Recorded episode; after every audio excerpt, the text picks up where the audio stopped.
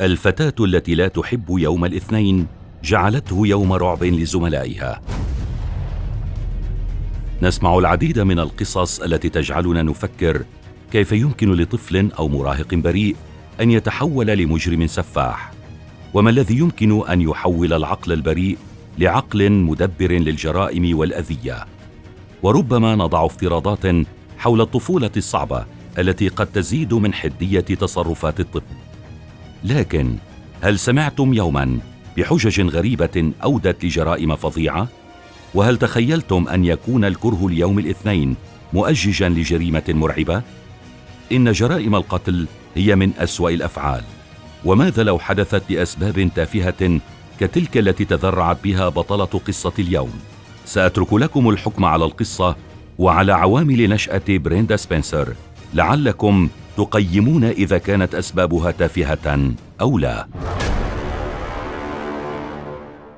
بعد انفصال الوالدان عاشت بريندا مع والدها وول سبنسر في الفقر الافتراضي وناموا على مرتبة واحدة على أرضية غرفة المعيشة مع زجاجات الكحول الفارغة في جميع أنحاء المنزل.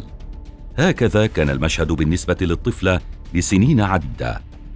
مما ولد لديها نقمة على المحيط وعلى رجال الشرطة. لطالما أعربت عن رغبتها بأذيتهم لكن هذا الأمر لم ياخذه أحد على محمل الجد. أظهرت سبنسر قدرة استثنائية في التصوير الفوتوغرافي وحصلت على الجائزة الأولى في مسابقة جمعية إنسانية إلا أنها كانت غير مهتمة بشكل عام بالمدرسة. فاستذكر أحد المعلمين في كثير من الأحيان الاستفسار عما إذا كانت مستيقظة في الصف. لم يكن سلوك بريندا طبيعيا أو حتى مشابها لغيرها من المراهقين فكانت تفتعل المشاكل دوما وكان يتم التبليغ عن كثرة تغيبها عن المدرسة. لكن من سوء حظها أن والدها لم يكن مهتما لها ولم يكن يراعي مصلحتها وقد أثر ذلك سلبا على وضع سبنسر. فقد شعرت نفسها وحيدة. ساء وضع بريندا حتى إنها حاولت الانتحار لكن محاولتها لإنهاء حياتها باءت بالفشل وأبلغ عن تلك المحاولة لكن والد بريندا لم يحرك له ساكن. أوصى تقييم الأمراض النفسية الذي رتبه ضابط المراقبة لدى قسم الشرطة الذي قام بإلقاء القبض على بريندا حينها. بأنه قد تم قبول سبنسر في مستشفى عقلي للاكتئاب وذلك خصوصا بعد قيامها بمحاولات صيد عصافير في الجوار. ولكن والدها رفض الإذن بعلاجها في المستشفى.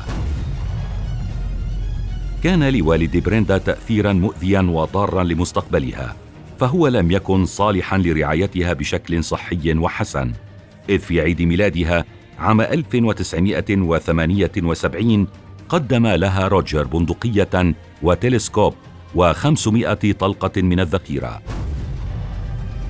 لماذا يمكن أن يهدي والد ابنته هكذا هدية؟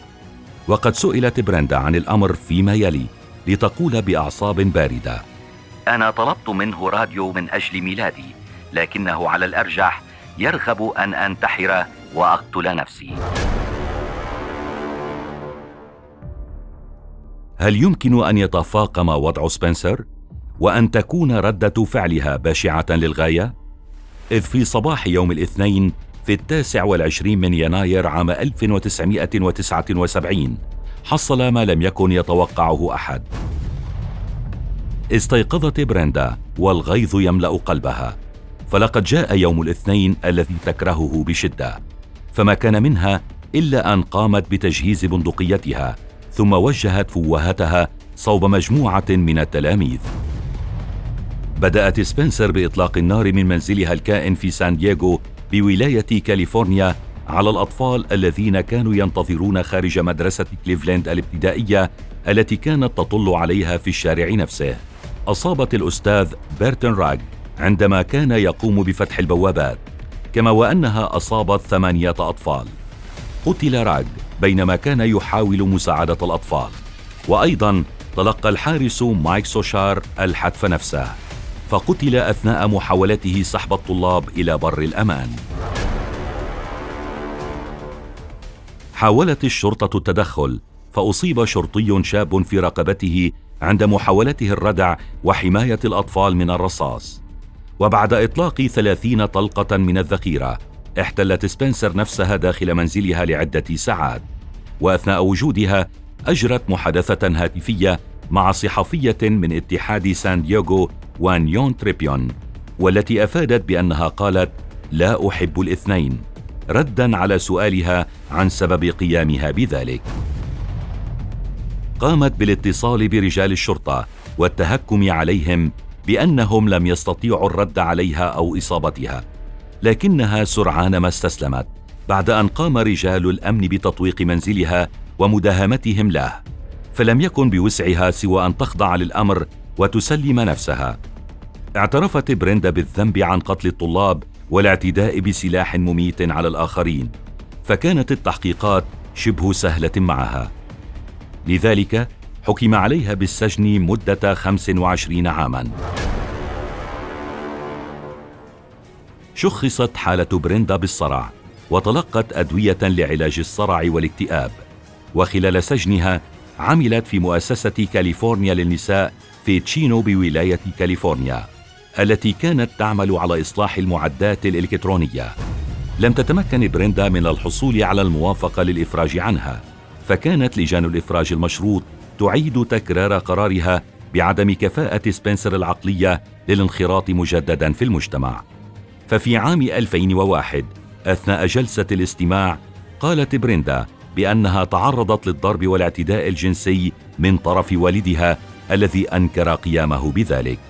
والظاهر أنها كانت تكذب من أجل كسب التعاطف للحصول على الإفراج.